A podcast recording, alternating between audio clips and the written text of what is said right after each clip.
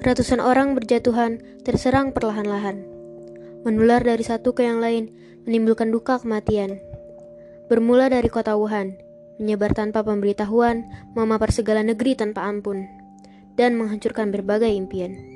Dengan gejalanya yang ringan, risiko kematian yang tinggi dan penuh ancaman, dan penanganannya yang sulit, itulah corona.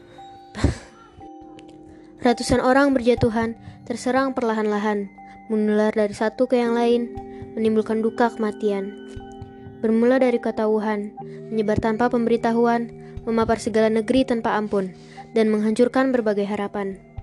Dengan gejalanya yang ringan, resiko kematian yang tinggi dan penuh ancaman, dan juga penanganannya yang sulit.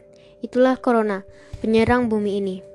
Bagai musuh yang tak terlihat, dengan penyerangan yang bertubi-tubi, kita sebagai rakyat harus bersatu dengan semangat sedikit demi sedikit mengurangi korban jiwa.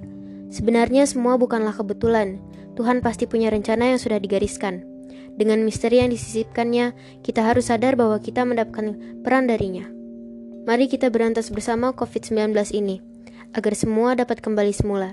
Dimulai dengan hati kerakyatan dan nurani, mari kita usir virus tersebut dari negara ini.